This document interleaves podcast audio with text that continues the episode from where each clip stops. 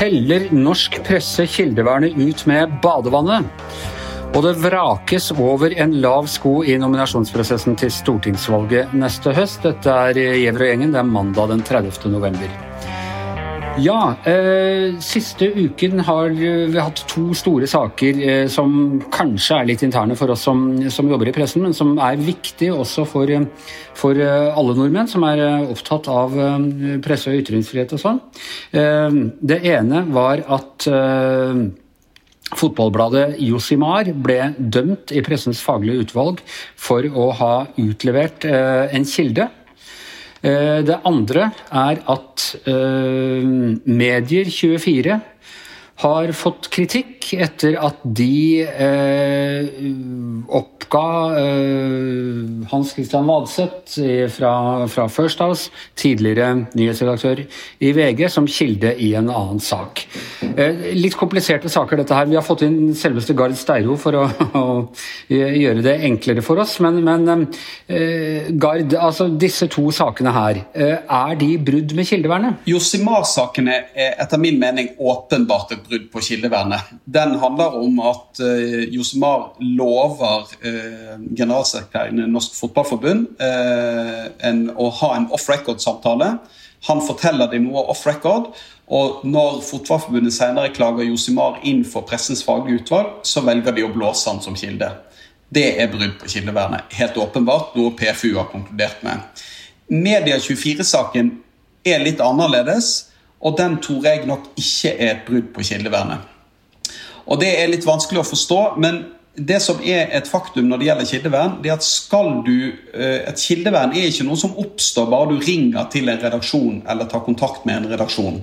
Skal du få kildevern, så må det avtales med journalisten. Altså man må, man må, journalisten må akseptere at nå får du kildevern. Man må akseptere at dette er en off record-samtale. Og Slik som Medie24 beskriver prosessen med Vardseth, så har det ikke vært en sånn avtale. Men for meg er det litt omvendt. Jeg tenker at enhver som ringer meg med et tips, eh, gjør i, kan gjøre det i forvissning om at personen vil være anonym, med mindre jeg sier 'vil du stå fram med dette her', skal vi la deg intervjue Og jeg tenker at det er journalistisk eh, barnelærdom. Noen ringer og tipser deg, så kan det hende at du på et eller annet tidspunkt sier at dette jeg, må jeg også intervjue deg om, fordi du er en aktør i, i saken, eller uh, det er interessant i saken. Men det at man anonymt skal kunne tipse en avis, er ikke det, er ikke det selve noe av, av grunntanken med, med, fri presse?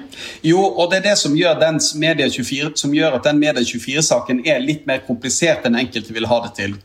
Eh, jeg er usikker på om det er en kildevernproblematikk, men det er mulig dette treffer Vær varsom-plakatens punkt 3.3, som handler om at du skal gjøre premissene klare for en samtale. Og Det kan det virke som om iallfall Vadseth her og Medie24 er uenige om dette premissene for denne samtalen, og det ansvaret hviler jo på redaksjonen. For det er klart at Jeg eh, mener jo at når vi blir kontaktet av tipsere, så er tipserne da egentlig anonyme inntil noe annet er avtalt. Det er på en måte sånn vi opptrer. Det som kan bli litt komplisert noen ganger, er når profesjonelle aktører forsøker å påvirke pressen, og de tar kontakt enten som en del av noe spinn, eller de forsøker å plante dokumenter hos oss. Da kommer man i, en, i et grenseland ofte der, man, der, det er vanskelig for redaksjonen å navigere. Men det som, det som, jeg oppfatter at denne saken ligger, og vil handle om, hvis den blir klaget inn for PFU, er nok ikke kildevernpunktet i Vær varsom-plakaten, men det er dette med hva som var avtalt om premissene for denne samtalen, var grundig avklart mellom Vadseth og Media24.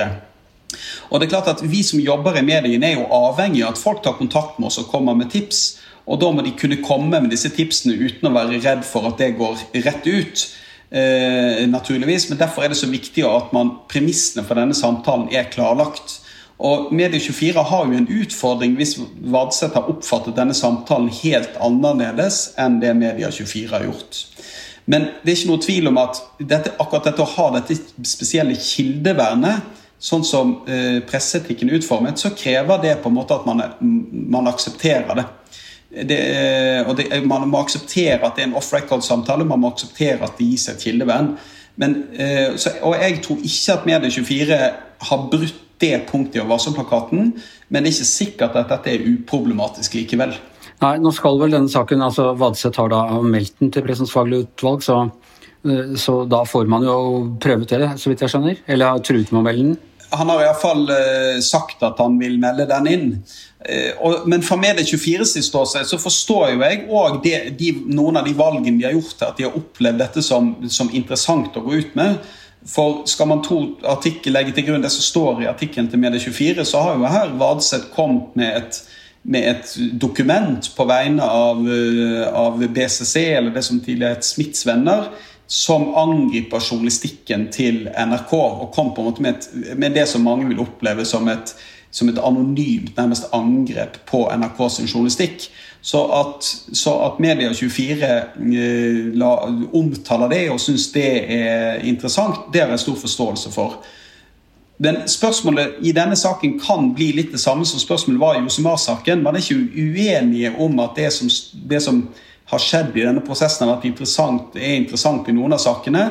Men det er spørsmål hvordan får journalistene det ut, hvordan klarer man å få det ut, og er det nødvendig da å omtale tipsere eller kilder for å komme ut med den informasjonen. For jeg tenker at Det også ligger her en litt sånn journalistisk moralisme. At det er greit å blåse kilden hvis kilden er en aktør som, som eh, First House, som er en aktør som mange av oss journalister irriterer oss mye over. og Vi, vi liker ikke hvordan de kommer inn mellom oss og kilder og uh, oss og store aktører. og, og uh, en, en, fyr som Vadseth, uh, som da har jobba i, i, VG og var en, var en dyktig både redaktør og, og journalist som nå liksom jobber Eh, for den andre siden. Men her er det jo snakk om prinsipper, om det er nynazister eller eh, Ikke for å drikke noen direkte eh, linje der, men, men altså det, er jo ikke hvem vi liker eller ikke liker, eller og, og når man har jobbet med, med, kilder en stund, så vet man at det er veldig få som har bare altså alle varslere, At ingen varslere og tipsere har helt rene motiver til enhver tid. De er styrt av alt mulig rart.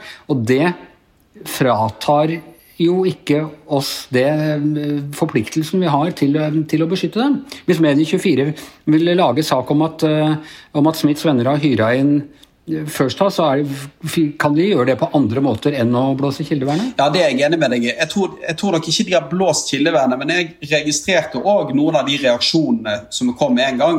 Og det, det var jo en veldig, en veldig fordømmelse av First House her, syns jeg, i i, eh, i en del journalistkretser, som jeg tror eh, handler om synet på, eh, på First House og på, på, kommunikasjonsrådgivere, mer enn at man gjorde en kald vurdering av saken. For dette, dette handler om prinsipper.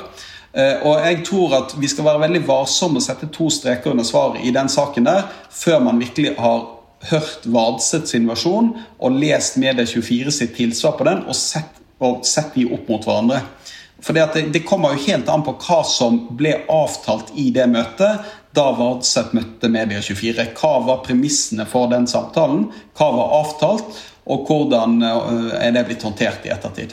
Ja, og jeg må si dette, Tone Sofie Aglen, du er også med. Du, du, kan jo sikkert underskrive på det. Det er jo ofte irriterende at man, man har en uh, anonym kilde i en eller annen sak.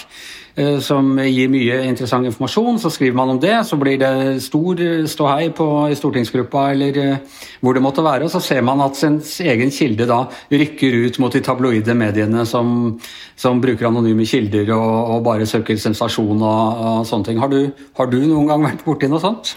Det opplever man jo hele tida, og når du hører hvordan politikere uttaler seg og sånn, så tenker man ja ja, det, det er nå ikke hele bildet. Men, men, jeg mener at eh, kildevernet er helt sånn grunnleggende. Og som kommentator så snakker vi jo med kilder hele tida, og alle har jo et eller annet motiv. Og jeg tror man blir en veldig dårlig journalist eller kommentator hvis du blir for ensidig i hvilke kilder du bruker. Da får du heller ikke et godt nok bilde. Så det å snakke med også kilder som blir ansett som litt sånn suspekte, eller sånn, er helt sånn grunnleggende. Og det å være til å stole på tror jeg er særdeles viktig. Eh, helt til slutt, Gard. Vil du garantere alle som tipser VG eh, at de har, eh, at de har fullt kildevern? Jeg vil ikke garantere alle som tipser VG fullt kildevern, men jeg vil si det at alle som tar kontakt med VG, er, der kan de være trygge på at vi eh, behandler det ryddig. Og hvis vi skal gå ut med navnet deres, så skal det være avtalt med de. Det er jo det, det, må, det, er det som må ligge til grunn her. Men jeg kan jo ikke garantere at noen, hvis, noen sender, hvis noen sender oss et stort dokument, at de da har krav på kildevern, og at jeg vil gå i fengsel for dem. Det kan jeg ikke garantere dem. Men, men det som er viktig her, tror jeg, er at når du tar kontakt med en redaksjon, Eh, så må du eller redaksjonen må være veldig nøye med å forklare premissene for den kontakten dere har. Det tror jeg er det det, det er det, det, handler om. Og det er ikke kildens ansvar, det er vårt ansvar. Jepp. Det er jeg veldig glad for å høre at du sier. Eh, tusen takk til deg, Gard. Eh, Tone Sofie, vi skal snakke litt om snakke litt om nominasjonsprosessene i forkant av stortingsvalget. Eh, et par kraftige øyenbrynreisere i løpet av helgen. Ser man det? Øyenbrynreisere var jeg som prøvde å oversette, oversette kjapt fra, fra, amerikansk her. Men Jon Helgheim eh, fra Fremskrittspartiet, partiets eh, mest eh, kjente populistutspiller numero uno, eh, og som man skulle tro hadde en, en stor fremtid for seg, eh, foran seg i, i partiet og stortingsgruppa, han ble rett og slett vraket fra førsteplassen på Buskerud i helgen. Det var temmelig overraskende greier. Ja, det var nok ingen som uh, forutså. Og nå ser jeg jo at mange mange sosiale medier tenker at uh, endelig, der forsvant den konservative politikeren. og det her handler helt sikkert om at han har vært kontroversiell i innvandringspolitikken. Det gjør det overhodet ikke. Dette er faktisk uttrykk for en, et lokalt distriktsopprør i Buskerud, hvor han rett og slett ble ofra fordi noen mente at Drammensdominansen var så sterk i, i, Frp. Så det var rett og slett Hallingdal og Numedal og Gol og andre områder som klarte å vinne fram, og det var det ingen som så. Er det noen politisk konflikt i Norge i dag som ikke kan kokes ned til sentrum versus uh, periferi, tror du? Nei, jeg tror når det der skjedde, så, så tror jeg faktisk at alt Eh, kan kokes ned dit. Men eh, det er ikke noe tvil om at det her er et eh, stort tap for Frp. For selv om han er kontroversiell, så har han vært en, en særdeles effektiv kommunikator for Frp, vil jeg si. Jeg syns han veldig fort klarte å, å, ta den rollen som innvandringspolitisk talsperson etter Sylvi Listhaug. Det skal egentlig godt gjøres. Og han er også veldig dyktig til å balansere eh, sine utspill på en litt sånn knivsegg. At han liksom klarer å kommunisere effektivt uten liksom å falle helt eh, over på andre sida, som noen gjør.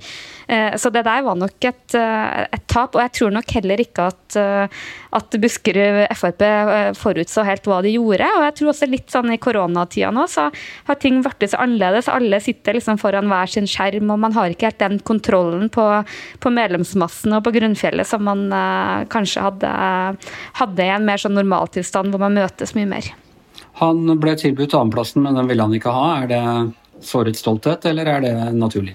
Ja, Det er litt sånn eh, klassisk i, i, politikken at får man ikke den posisjonen man vil ha, så sier man fra seg alt. Eh, ofte litt sånn uh, uoverveid, for det kan jo komme situasjoner som gjør at man likevel kommer inn, men det, det er ganske klassisk at uh, politikere gjør det. og det, det, man stiller spørsmål om nå, er jo om han vil ta en sånn Carl I. Hagen og, og finne seg en nødhavn i et annet fylke. Men det er jo ikke så veldig mange igjen som er ledige nå, da. Eller han kan ta en bøler og finne seg en plass i et annet parti. Senterpartiet i Oslo. Ja, det virker kanskje litt mindre sannsynlig. Kanskje Buskerud ja, Senterparti. Vi, vi, får se. Men, men, han er altså ikke den eneste. Eh, Åshild Brun Gundersen fra Aust-Agder. En, en, av de ikke så mye på eh, på radio- og populisttoppen, men, men en av de virkelig eh, solide Eh, stortingsrepresentantene for Frp ble også vraka? Ja, og Åshild Brun Gundersen har også gjort en, eh, en lynkarriere fra Aust-Agder. Her er hennes første periode, og der er bildet veldig annerledes enn i Buskerud. Åshild eh, er en veldig sånn liberal Uh, Frp-er har profilert seg veldig på bioteknologi og, og, dratt partiet veldig den retningen. Ikke opptatt av innvandring i det hele tatt. Men hun har et uh, Eh, et mye mer konservativt omland i Aust-Agder. Man har jo visst at hun ville få motstand, men på selve nominasjonsmøtet fikk hun faktisk sju motkandidater.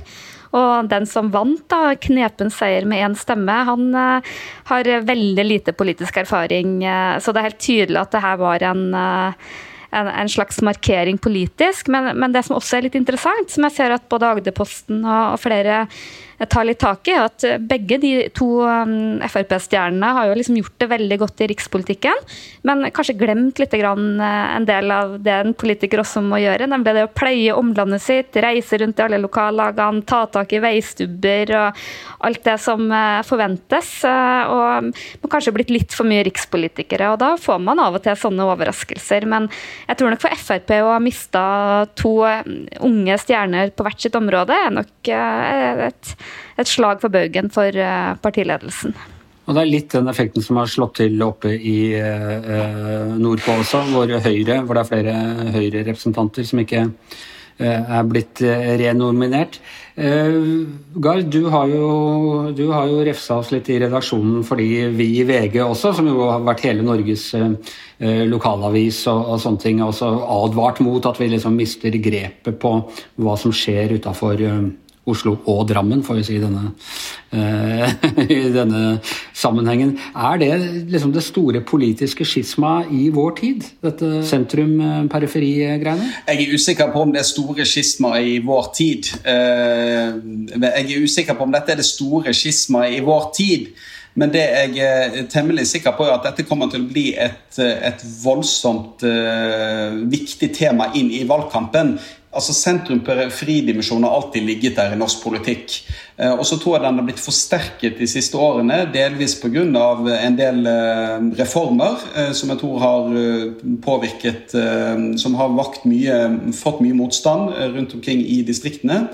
Men for meg som har bodd i Bergen i mange år, så er jo ikke misnøyen med Oslo noe nytt. Den har jo alltid eksistert, eh, eksistert, så det er ikke noe nytt. Det jeg er opptatt av, er jo at vi som sitter i riksmediene, forstår opprøret, og forstår at dette opprøret er ulikt fra landsdel til landsdel. Jeg tror dette ser annerledes ut i deler av Nord-Norge enn det gjør på Vestlandet. Så kan man enes om at man er mot, altså kritisk til sentralmakten, men jeg tror det er ulike saker ulike dimensjoner i dette opprøret jeg vil, jeg vil, ikke kalle det den største saken i vår tid. Vi har en pandemi gående, og, og, vi har innvandring og veldig mange saker. Men det er klart at jeg tror dette Det å forstå hvor sammensatt landet er, og hvor ulikt landet ser ut hvis du bor på ja, Bø i Vesterålen, som har vært en, eh, vært en, kommune som har hatt mye vind eh, det siste, og hvis du bor i, eh, hvis du bor i Drammen. Det, tror jeg bare veldig, det, er to, det er to ulike land kan oppleves sånn. Hva er den